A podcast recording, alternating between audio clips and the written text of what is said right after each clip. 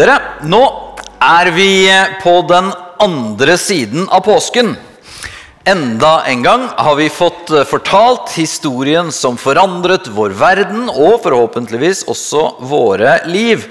Og jeg håper at du i et eller annet format fikk med deg påskens fortellinger. Her fra kirken så sendte vi eh, både digitalt og fysiske eh, gudstjenester hvor vi gikk igjennom den ytre fortellingen. Ikke så mye forklaringene og den teologiske betydningen av påsken. Men når vi så fortellingen, så så vi jo at eh, det var ikke sånn at det sto noen modige, trossterke disipler og telte ned fra ti på påskemorgen ved Jesu grav og bare ventet på at nå kommer han snart ut, dere. Nå blir det seier.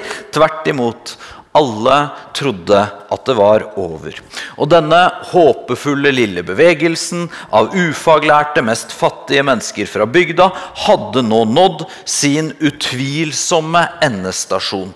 Lederen, den uendelig milde, samtidig så mektige mannen, var nå død.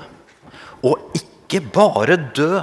Korsfestelse var virkelig en av Romerrikets mest hjerteløse praksiser. Poenget var ikke bare å drepe den kriminelle. Det kunne de gjort, og det gjorde de på tusen enklere måter. Poenget med korsfestelse var avskrekkelse, skam og utslettelse av ethvert minne av den dødsdømte. For ingenting ga mer vanære til familien og de som hadde vært glad i den dømte. Og fordi korsfestelse var så skamfullt, så gjorde det at man aldri senere, i hvert fall ikke uten smerte, sa den dømtes navn igjen. Ingenting levde videre.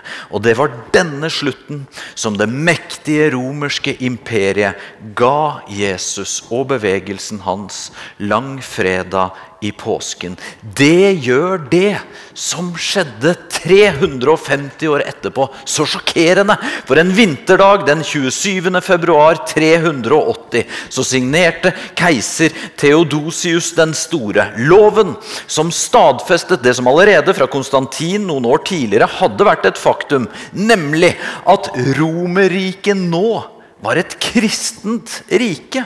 Og med denne loven til Theodosius så ble den statlige støtten flyttet fra det hedenske religiøse systemet som det hadde støttet i århundrer, til å støtte Kirken.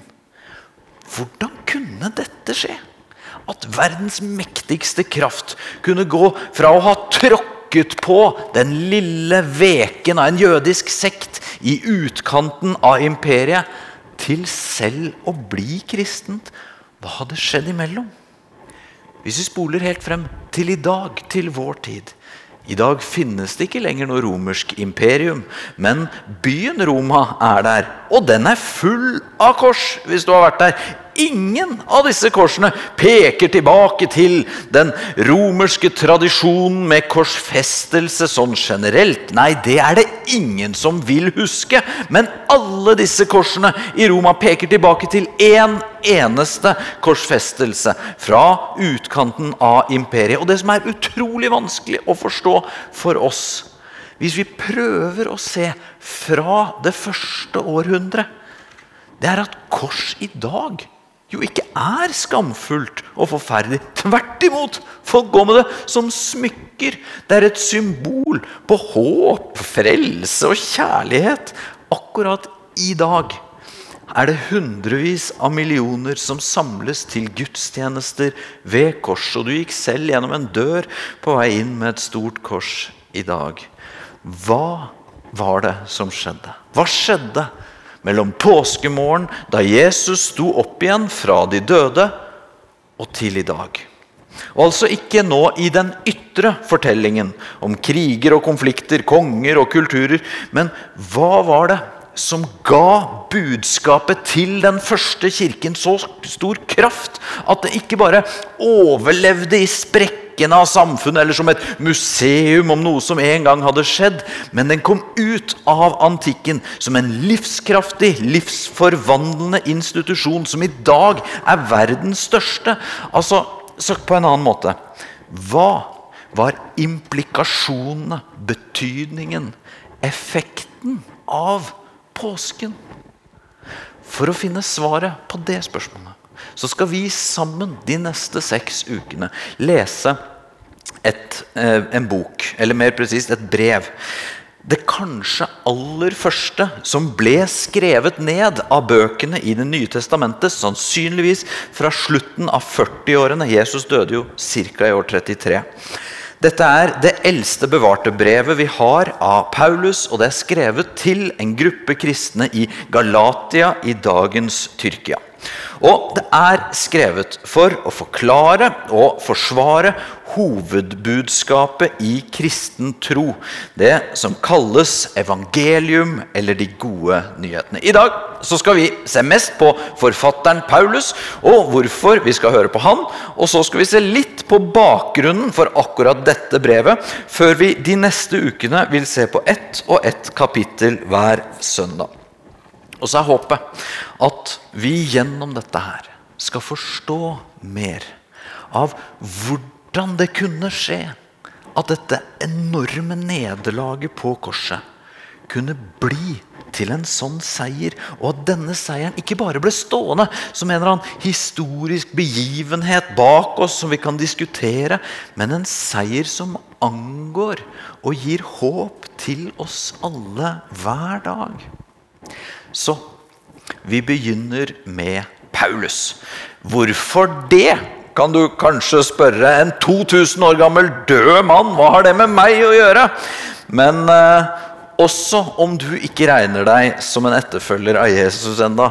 Hvis du bare tar X-FIL eller studerer noe som helst av humanistiske fag, så vil du se at Paulus har vært med å forme hele vår vestlige sivilisasjon. Han er en av verdenshistoriens mest leste forfattere. Og det er rett og slett skikkelig usannsynlig at det lever noen nå i vår tid som kommer til å prege verdens fremtid videre like mye som Paulus vil gjøre. Og han har altså vært død i snart 2000 år. Så uansett hva du selv tror på, så er Paulus en viktig person å kjenne til. Men hvem var han? Først så var han kjent som Saul, eller Saulus, for han var født i en jødisk familie, og det var hans jødiske navn. Men han var også romersk statsborger, og han hadde et romersk navn, Paulus. Og Fra han sto frem som kristen leder, så brukte han mest sitt romerske navn Paulus. Derfor har en amerikansk kirke tatt domenet Was. Hvis du trodde du hadde en lys idé om at du skulle gjøre noe med det.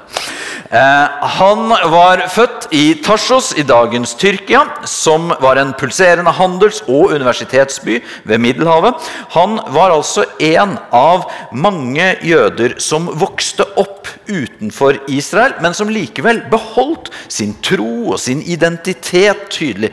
Familien hans var ressurssterk, Eh, og Paulus han fikk en topputdannelse i sin tid, med at han ble sendt til Jerusalem, hvor han studerte under den lærde Gamaliel. Det var nok tenkt at han skulle ta over familiebedriften og lage telt, men i løpet av utdannelsen så ble troen så viktig for Paulus at han heller ble fariseer, den grenen av religiøse ledere som var de aller ivrigste. Og du kan nå se han for deg. Privilegert, selvsikker, brennende, rettroende, sharp, ung mann. Paulus møtte aldri Jesus mens Jesus gikk på jorden, selv om de levde samtidig. Men da den kristne bevegelsen ikke forsvant etter korsfestelsen, som man jo hadde trodd, men i stedet begynte å spre seg videre overalt, da ble Paulus sint, for han mente å kunne se og analysere at de kristne de stjal fra sann jødisk tro, og de var dermed en trussel mot det som bandt de sammen som folk. Så Paulus han gikk til øverstepresten i Jerusalem, han som nylig hadde fått Jesus drept. Og så fikk Paulus hans tillatelse til å finne kristne jøder og om å arrestere dem og om nødvendig drepe dem. I Galaterbrevet, vi se, som vi nå ser på disse ukene, så skriver han selv om det. Dere har jo hørt hvordan jeg tidligere for fram som jøde. Hvor voldsomt jeg forfulgte Guds kirke og forsøkte å utrydde den. Og akkurat dette med, med religiøst hat det har jo en spesiell klangbunn akkurat disse dager. Når kirker i Russland er med og velsigner Putins angrepskrig, og mennesker i Norden tyr til vold pga. respektløs behandling av en religiøs bok. Altså, Når vi ser religiøs vold også i historien til en av kirkens største skikkelser, så kan vi holde frem minst to tanker. Den ene tanken er at det er dypt i strid med Guds vilje etter Jesus. Ingen tar mer avstand fra religiøs vold enn Paulus selv, som i et av de andre brevene sine til korinterne sier at han er ikke engang verdig å kalles apostel pga. det han har gjort. For religiøst begrunnet vold er galt. Den andre tanken er likevel å ikke umenneskeliggjøre de som gjør sånt. Tenk at det var nettopp Paulus som gjorde dette. Altså Paulus, han som har skrevet det vakreste som noen gang er skrevet om kjærlighet. Paulus, som har forklart evangeliet om Guds kjærlighet tydeligere enn noen andre.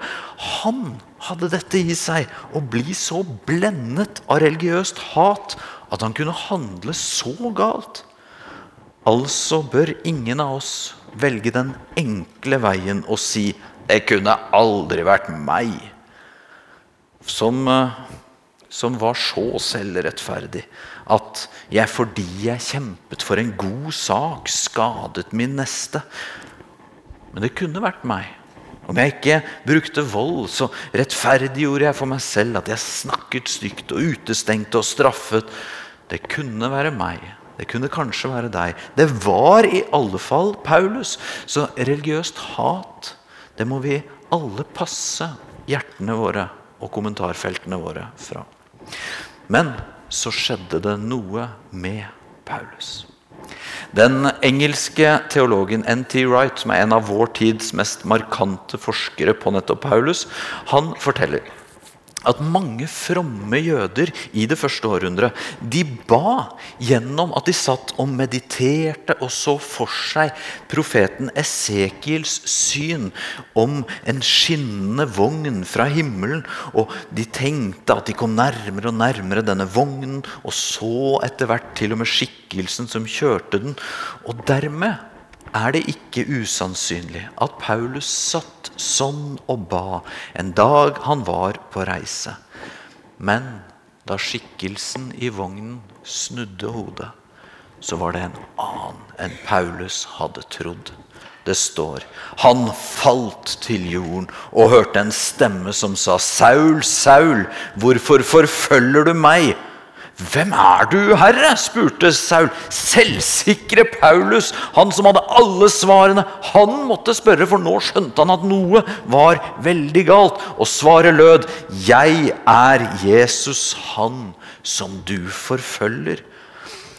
Av det som skjedde videre med Paulus nå, så kan vi ta med oss tre lærdommer før vi til slutt altså går til selve Galaterbrevet. Å forandre mening, å gro røtter å se den ene. Og vi begynner med å forandre mening. Hvis jeg spør deg Når forandret du mening sist om noe som i det minste er litt viktig? Har du lagt merke til at vi mennesker vi leser veldig ofte ting vi allerede vet, av folk vi er enige med, for å få bekreftet det vi alltid har ment? For det er jo så vondt å si 'unnskyld, jeg tok feil'. Men jeg tror at det er skikkelig sunt for oss å gjøre det av og til. Så den kan vi tygge litt på. Når forandret vi mening om noe sist? Paulus forandret i alle fall mening denne dagen. Men, og dette er litt viktig for meg å si, med tanke på vår mørke kristne historie i møte med det jødiske folk, så er det altså viktig å si at han sluttet ikke å være jødisk. Eller han byttet ikke religion sånn som han så det selv. Tvert imot. Paulus fant Jesus, og da så han at Jesus hadde vært der hele tiden i skriftene som han i hele sitt liv hadde lest og pugget og sunget og hørt. Nå oppdaget han at det sto jo om Jesus. Det var han profetene hadde pekt frem mot, og som folket hadde ventet på. Så Paulus forandret mening, men bygget også videre på det han allerede hadde. Det neste er å gro røtter. For hva er det som skjer med oss når vi endelig har skjønt noe nytt? Hvis vi er som Paulus eller som meg, så får vi lyst til å fortelle om det til alle som vil høre på, eller som vi syns burde ville høre på. Og Paulus han gikk straks i gang med å fortelle. Han fortalte i Damaskus, dit han var på vei da han møtte Jesus. Så gjorde han det i Jerusalem, men begge steder ble det bråk veldig fort, så han måtte sendes vekk i all hast. Og da løp Paulus videre til Nei, det gjorde han ikke. Vet du, da ble Paulus stille. Sannsynligvis i de neste ti årene. Han som hadde så mange jern i ilden, han som var så brennende, som ville påvirke, han med det kjappe hodet og den skarpe pennen, han dro hjem til Tarsos og lagde telt. Og han leste, han ba, og han modnet i ti år. Hva er vitsen? Med å vente så lenge med å begynne å gjøre noe, Paulus? Jesus sa noe merkelig. Han sa at troen den kan være eh, som korn som legges i, som blir sådd. Og vi som hører det, vi kan være som bakken som kornet legges i. Og så kan jo vi ta det imot på så forskjellige måter. Blant annet, sier Jesus, så kan vi være som steingrunn. Sånn hvor det bare er sånn tynt jord og så masse stein. Eh, Jesus sa det sånn De på steingrunn er de som tar imot ordet med glede når de hører det, men de har ingen rot. De tror bare en tid, og når de blir satt på prøve, så faller de fra. Kornet, troen, må få tid og jord til å vokse lange nok røtter til å tåle varmen og utfordringene og det hender at vi fornemmer, får noe av Gud som vi skal være stille om først. Som vi skal behandle som en skatt, som korn, som må få vokse og modnes og bygge dype nok røtter. Så Paulus ventet lenge. Og jo lenger vi skal opp og ut, jo dypere trenger røttene å gå så forandre mening av og til. Og gro dype røtter. Det tredje vi kan se med Paulus' historie, er å se den ene. Jeg har vært pastor ganske lenge, og det betyr at uh, siden man er det i en setting som denne kirken her, at jeg møter mange mennesker gjennom årene. Særlig unge voksne.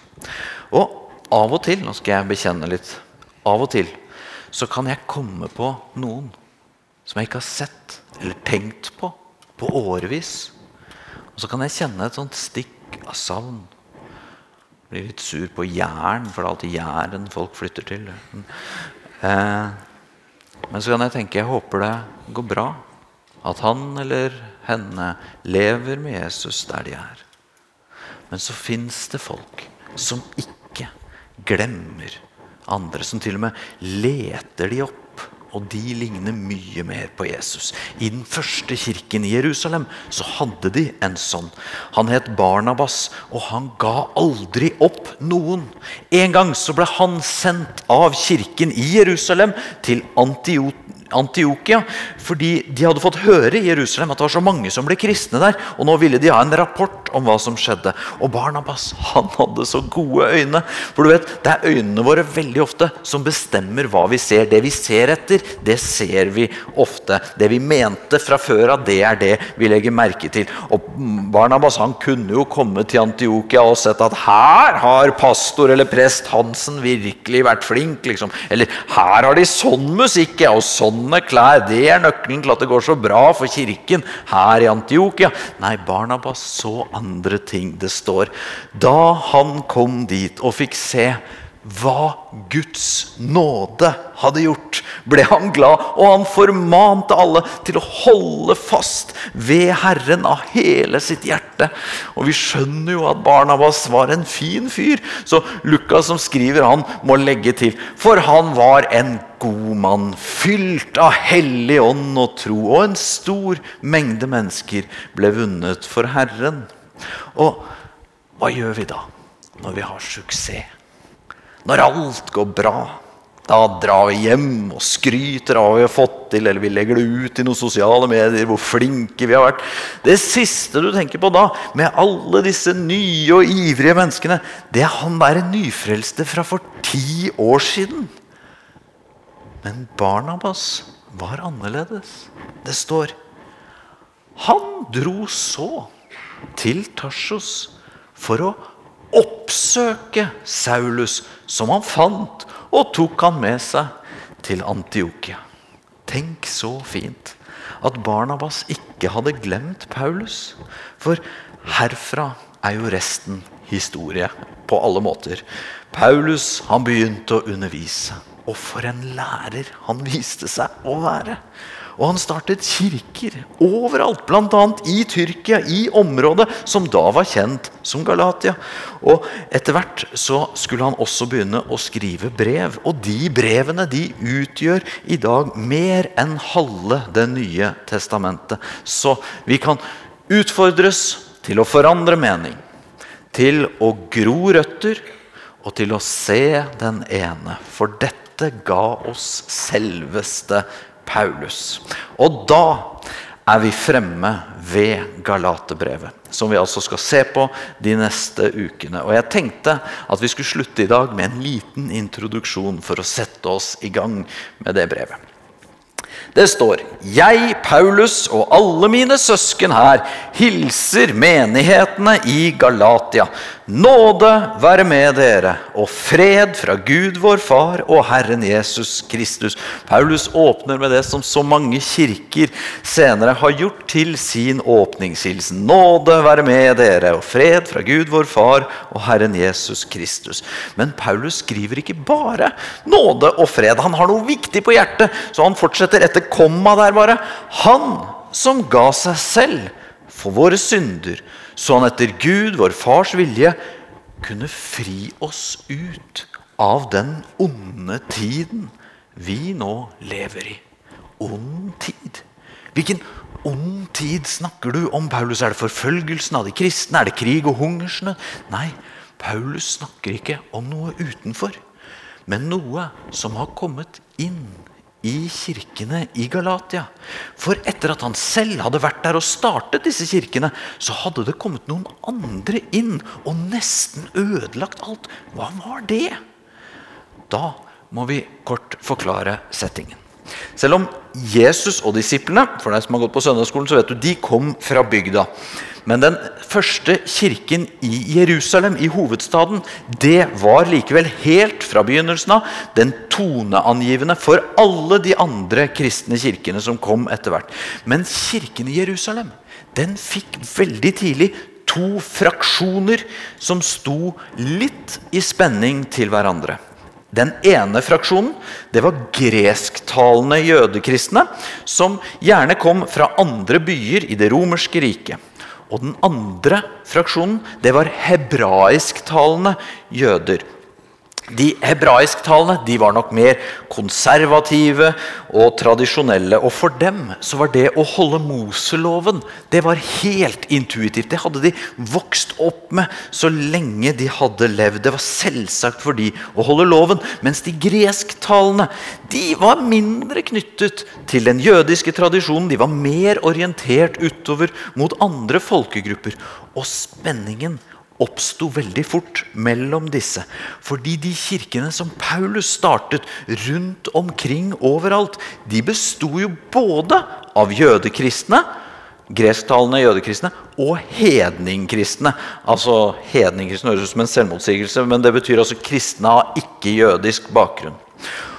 Og det som ble vanskelig da, det var at jødene i Jerusalem, de som ikke var blitt kristne, de så jo at kirken den var jo dypt jødisk i hele sin bakgrunn, med alle de første lederne, men den fortsatte ikke å ta vare på det jødiske særpreget, særlig med tanke på omskjæring og reglene om ren og uren mat. Så nå begynte jødene i Jerusalem å legge press på de konservative hebraisktalende jødekristne om å ikke ikke la kirken miste sin jødiskhet. Så noen fra den hebraisktalende fløyen av den første kirken i Jerusalem de hadde reist til Galatia og begynt å lære der i strid med Paulus.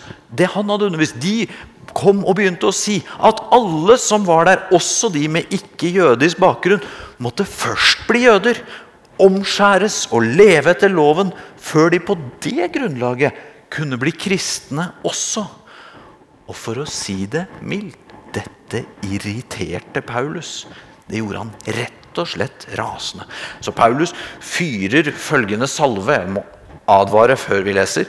Eh, det undrer meg at dere så raskt vender dere bort fra Han som har kalt dere ved Kristi nåde, til et annet evangelium men det fins ikke noe annet. Det er bare noen som forvirrer dere og vil forvrenge Kristi evangelium. Men om vi selv, ja, om en engel fra himmelen skulle forkynne dere et annet evangelium enn det vi forkynte dere, forbannet være han. Oi, oi, oi, Paulus. Det er nesten helt sikkert at du kunne funnet en mer diplomatisk måte å si dette på, Paulus. Hvorfor så sint? Paulus ble sint av teologiske og sosiologiske grunner. Teologisk så var det fordi disse som hadde kommet, eh, de hadde lagt inn tilleggskrav. Så det var ikke godt nok å bare tro på Jesus. Man måtte også ta imot loven. Paulus hadde ikke noe prinsipielt imot loven. Den var en åpenbaring av Guds vilje, var sann og god. Men det var Jesus og Den hellige ånd som vi tar imot, og ingen skal komme med tillegg der. Det skal vi se mer på i denne serien. For da sier vi at Jesus ikke er nok. I vår tid så er det nok ikke så mange som ivrer for omskjæring eller korser mat. Men kan det være andre ting vi legger til? Jeg føler meg truffet når jeg tenker på krav. Det er fint f.eks. Veldig fint å lese Bibelen og be hvis du vil følge Jesus. Men hvis sånne som meg sier det på en måte som gjør at du hører det som en forutsetning for å leve i relasjon med Jesus, da blir det jo sånn at du må ta imot Jesus pluss at du må lese Bibel og be så og så ofte. Og i så fall så kanskje det ikke oppleves som evangelium, som Jesus alene. Eller erfaringer. Det er så godt å erfare Guds nærvær i en gudstjeneste eller på et bønnemøte. Å erfare å tale i tunger eller be tidebønner. Eller erfare at Gud leder til radikale livsvalg i forhold til hvordan vi lever med forbruk eller andre ting. Men det kan også bli et sånt Jesus pluss erfaringer-budskap. Og dermed tilleggskrav som gjør det slitsomt å være i Galatia eller i Filadelfia-kirken eller en annen kirke. Eller, eller, utdannelse. Sånne som meg kan si det er så viktig at vi setter oss inn i kontekst og teologi for å forstå Paulus, Galaterbrevet og troen. Men Jesus stilte jo frem barnet barnets tro som idealet. Og Jesus jublet over at Gud hadde skjult for vise og forstandige det han hadde åpenbart for umyndige små, sa Jesus. Jesus pluss utdannelse kan bli et tilleggskrav. Og sånn her kan vi fortsette. Paulus åpner Galaterbrevet med lidenskap og engasjement for at vi aldri må gjøre troen til noe annet enn Guds gave til oss gjennom at Jesus Kristus levde det livet som du og jeg skulle ha levd. Han døde den døden vi aner at vi hadde fortjent å dø. Og gjennom det har vi ufortjent av Hans nåde fått alt. Og I tillegg til denne typen teologiske innvendinger så hadde Paulus også sosiologiske innvendinger mot denne påvirkningen med å legge til ting til evangeliet. Fordi i Galatia så favoriserte jo dette opplagt de med jødisk bakgrunn fremfor de andre. Det er ikke så fett å omskjære seg som voksen. Men Paulus' prosjekt var jo nettopp å oppfylle Guds løfte til Abraham og hele hans folk gjennom at det jødiske folket skulle være til velsignelse for alle slekter på jorden. Så Paulus kjempet derfor innbitt mot de som ville gjøre evangeliet etnosentrisk, eller bare for de som ligner på oss, vår gruppetilhørighet. Og Her ligger det altså en utfordring til alle kirker som Paulus ville minnet oss på. Evangeliet kommer ikke med tillegg som krav vi må oppfylle, erfaringer vi må gjøre, utdannelsesnivå eller gruppetilhørighet. Og når dette går opp for oss. Hvor kraftfullt evangeliet er. Så blir vi også, som Paulus, lidenskapelige til å forsvare evangeliet. Klart og tydelig og reservasjonsløst. Eller som Paulus skriver til galaterne. For jeg kunngjør for dere søsken, det evangeliet jeg har forkynt, er ikke menneskeverk troen skjøt fart ut av antikken og til oss alle. Fordi konsekvensene av den gaven Jesus gir, er umulig å overdrive. Her og i all evighet. For det er ikke menneskeverk, men en Guds gave. Og Galaterbrevet er Paulus' forsvar og utleggelse av evangeliet. Og det skal vi altså se på de neste ukene. Skal vi be en bønn? Far i himmelen, tusen takk for at du tok tak i Paulus da han eh, var på veldig feil sted og vei med livet sitt. Og for at du valgte han ut, at du reddet han fra døden og ga han det evige livet. Og at gjennom det vi millioner på millioner etterpå har fått se dette lyset som skinner fra evangeliet. Ta det imot gjennom nattverden, ufortjent og av din nåde. At vi får være rene og rettferdige for deg. Tusen takk for det. I Jesu navn. Amen.